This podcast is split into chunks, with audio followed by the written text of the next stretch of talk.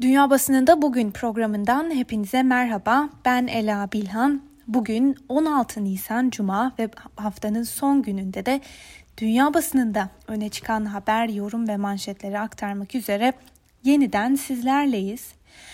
Bültenimize Türkiye'yi yakından ilgilendiren ve özellikle Yunan basınında da geniş yer bulan bir haberin detaylarına göz atarak başlayalım.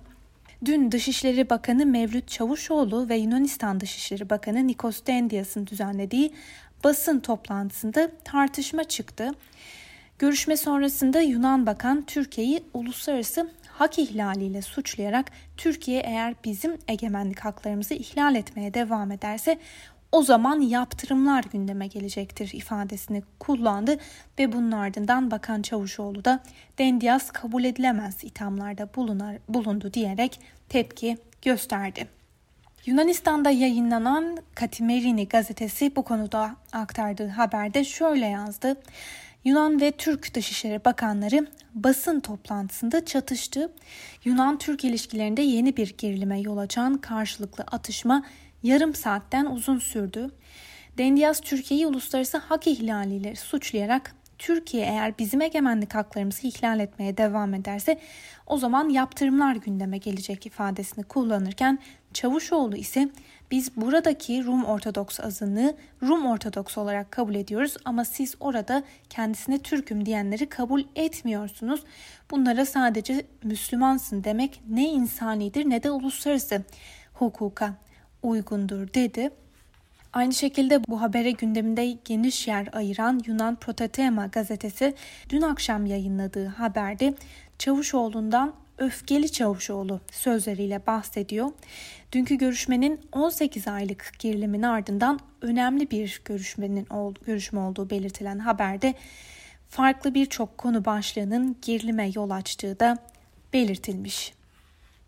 En çarpıcı haberlerden birini Greek City Times aktardı. Şöyle diyor özetle. Dendias dünkü ortak basın açıklamasında Türk diplomasisine sert bir ders verdi.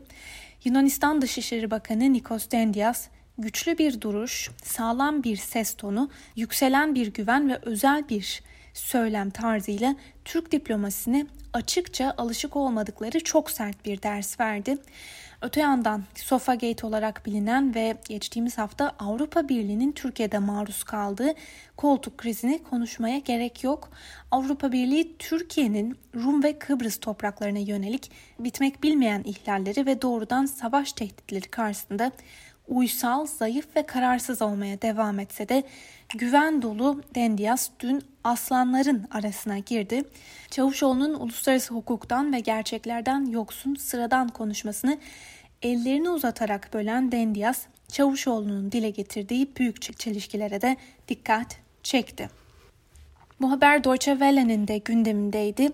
Yunanistan ile Türkiye arasındaki kopmuş ilişkileri onarmak için yapılan toplantı hızla iki ülkenin dışişleri bakanları arasında açık bir çatışmaya dönüştü. Ve aynı haberi gündemine taşıyan El Cezire ise şöyle diyor. İki bakan karşılıklı olarak suçlamalarda bulundu. Bir yıldan uzun süredir devam eden gergin açıklamaların ardından bu çıkış dikkat çekti. Aslında görüşme bir yıllık karmaşık anlaşmazlıklar sonrasında aralarındaki farklılıkları bir kenara bırakmaya çalışan iki tedirgin NATO komşusunu bir araya getirmek üzere tasarlanmıştı. İki ülkenin geçtiğimiz yaz Doğu Akdeniz meselesi nedeniyle savaşın eşiğine geldiğinin hatırlatıldığı haberde dünkü gerilimin Avrupa Birliği'ni alarma geçirdiği de belirtiliyor. Aktardığımız bu haber ve yorumların ardından bültenimize Amerikan basınıyla devam edelim. Voice of America'nın aktardığı habere göre Demokrat Kongre üyeleri ABD Anayasa Mahkemesi'ni dört yargıçla genişletmek için dün bir yasa tasarısı sundu. Mahkemedeki muhafazakar çoğunluğu kırmayı amaçlayan tasarı Cumhuriyetçiler tarafından kınandı. Hatta bazı üst düzey demokratlarca da isteksiz karşılandı. Ve şu bilgiyi de hatırlatalım. Cumhuriyetçi eski başkan Donald Trump görevde olduğu 4 yıl boyunca 3 muhafazakar yargıç atayarak mahkemede 3'e 6 muhafazakar çoğunluğu sağlamıştı. New York Times'ın önemli gündem maddelerinden biri Çin ekonomisindeki büyüme verileri. Buna göre yaklaşık son bir yıldır kapanma sürecinden geçen Çin ekonomisinin son bir yılda %18.3 oranında büyüdüğü açıklandı. Fakat New York Times yine de ülke genelindeki bu büyümenin taban ve küçük işletmelerle paylaşılmadığı yani bir gelir adaletsizliği olduğu konusunda uyarıyor. Öbür taraftan aşılamaların ülkede çok yavaş yapıldığı dolayısıyla sürece dair olumsuz hatıraların hala zihinlerde olduğu ve bunun tüketiciye ve üreticiye yansıdığı da hatırlatılıyor. Ve New York Times'ın aktardığı bir diğer haberde ise Amerikan ekonomisi ele alınmış. Buna göre ekonomide olumlu sinyaller var. Artan satış oranları ve işsizlik başvurularındaki keskin düşüş hızlı toparlanma sürecinin önemli emarelerinden biri. Veriler dikkate değer bir büyümeye işaret ediyor. George Floyd'un gözaltı sırasında nefessiz kalarak ölümüne yol açmakla suçlanan polis memuru Derek Chauvin davasında dün savunmalar tamamlandı. Floyd'un boğazına diziyle bastıran eski polis memuru Chauvin ise mahkemede ifade vermedi. Chauvin'in duruşmada ifade verip vermeyeceği haftalardır tartışılıyordu.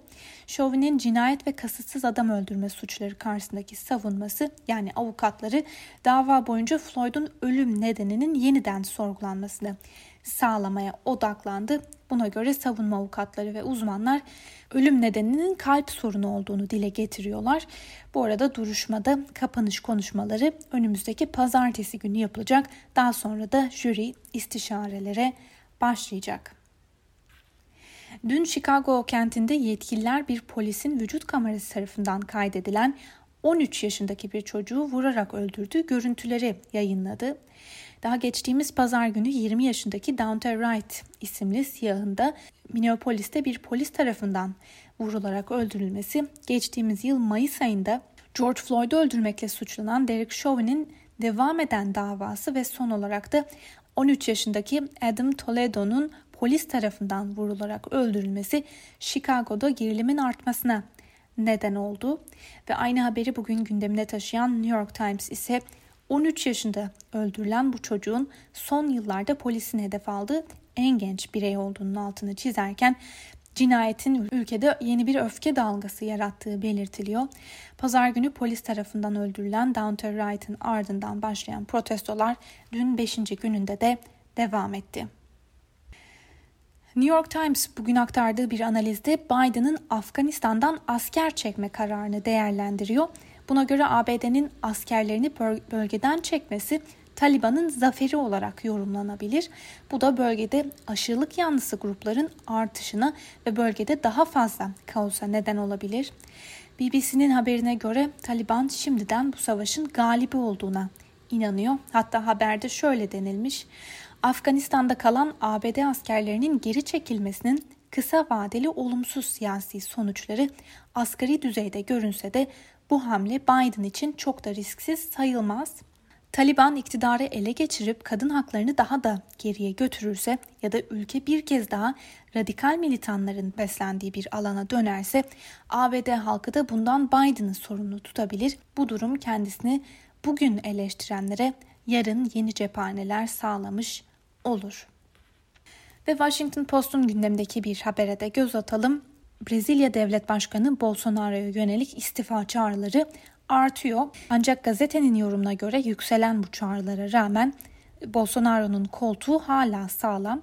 Ülkede son dönemde günde 4200 kişi virüs nedeniyle hayatını kaybediyor. Ancak Bolsonaro'ya yönelik eleştiriler ne kadar artsa da koltuğunu koruyabilmesi için gereken desteğe sahip yani yakında görevden ayrılması ihtimali çok çok düşük yorumunu yapmış bugün Washington Post gazetesi. Bültenimize İngiliz basınıyla devam edelim. The Guardian'ın bugün manşetine taşıdığı habere göre İngiliz hükümeti son dönemde kontrol altına alınan vaka sayıları ve hızlı aşılama oranlarını göz önünde bulundurarak normalleşme sürecine girdi. Bu kapsamda yeni bir dalgayı önlemek adına hızlı testlerin ülke genelinde yaygınlaştırılmasına karar verilmişti. Fakat bu kez gazete Birleşik Krallık'taki hızlı koronavirüs testlerinin muazzam genişlemesinin çok fazla yanlış pozitif sonuca yol açtığına dair ciddi kaygılar olduğuna dikkat çekiyor. Londra gibi COVID-19 oranlarının düşük olduğu yerlerde pozitif sonuçların yalnızca %2 ila 10'unun doğru sonuç verdiği de belirtilmiş. BBC'nin aktardığı bir haberle devam edelim. BBC Moskova muhabiri Sarah Rainsford, Rusya gerçekten Ukrayna'yı işgal etmeyi mi planlıyor başlıklı bir haber hazırlamış. Ukrayna etrafında dönen sert siyasi söylem ve ülke sınırına askeri yığınak yapılması sonrası Batı'dan Rusya Devlet Başkanı Vladimir Putin'e gerilimi daha fazla tırmandırmama uyarısı geldi. Moskova ise bu suçlamaları reddediyor. Öte yandan uzmanlar arasında Putin'in gerilimi daha fazla tırmandırmaktan kaçındığı görüşü de yaygın. Rus televizyonlarındaki tartışma programlarında sunucu ve konuklar Moskova'nın güç gösterisini överek ülkelerinin ABD ve NATO'nun düşmanca adımlarına karşı dik durduğunu savunuyor. Hatta bir yorumcu Biden'ın sinirlerine yenik düştüğü görüşünü dile getirdi. Son olarak Kremlin'den üst düzey bir yetkili de Kiev'den gelecek böylesi bir askeri adımın Ukrayna'nın sonu olacağı uyarısında bulundu. Ukrayna hükümetini ise kibritle oynayan çocuklara benzetti.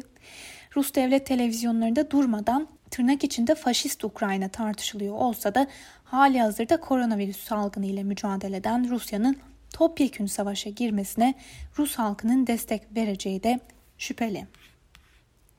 Alman basınının gündeminde dünden bu yana Berlin'de büyük bir protestoya neden olan ve önümüzdeki süreçte de muhtemelen tartışılacak olan bir mesele var. Buna göre Berlin'de 2019 yılında artan kira fiyatlarına karşı eleştirilerin artmasıyla beraber Almanya'da Sosyal Demokrat Parti, Sol Parti ve Yeşillerden oluşan eyalet hükümeti kiralara üst sınır getirmiş. Kiralara 5 yıl boyunca zam yapılmaması kararlaştırılmıştı. Fakat karardan rahatsız olan mülk sahipleri ve emlakçılar bunu devletin özel sektöre müdahalesi olarak yorumlamış ve tepki göstermişti. Son olarak Hristiyan Demokrat Birlik ve Hür Demokrat Parti'nin kira üst sınırının iptali için mahkemeye başvurduğu da biliniyor. Ve dün aktarılan haberlere göre Berlin'de 2019 yılında yürürlüğe giren bu kira üst sınırı yasası Almanya Federal Anayasa Mahkemesi'nce iptal edildi. Die Welt gazetesi bugün bu haberi manşetine taşımış. Gazete önemli bir değerlendirmede yapıyor. Eylül ayında yapılacak seçimlerde bu vaadin önemli bir konu başlığı olacağını savunan gazete, partilerin seçim kampanyalarında bu konuya değinmeleri gerekeceği yorumunu yapmış. Fransa basınında öne çıkan iki haberi sizlerle paylaşalım. Aktarılan haberlere göre Fransa'da parlamento 15 yaşından küçük bir çocukla cinsel ilişkiyi tecavüz olarak tanıyan ve 20 yıla kadar hapis öngören yasa tasarısını onayladı. Euronews'un haberine göre Fransa COVID-19 nedeniyle hayatını kaybeden vatandaşların sayısında önemli bir eşiği aştı. Buna göre salgının başladığı tarihten bu yana Fransa'da yaşayan 100 bin kişi COVID-19 nedeniyle hayatını kaybetti. Hem Amerikan basınında hem de Rus basınında öne çıkan önemli gündem maddelerinden biri ise Washington'ın dün Rusya'ya yaptırım kararı almış olması. Buna göre Washington başkanlık seçimlerine müdahale ve siber saldırı girişimleri nedeniyle 10 Rus diplomatın sınır dışı edilmesine karar verdi. Çok sayıda kurum ve kişi de Moskova'ya yönelik yaptırım listesine dahil edildi.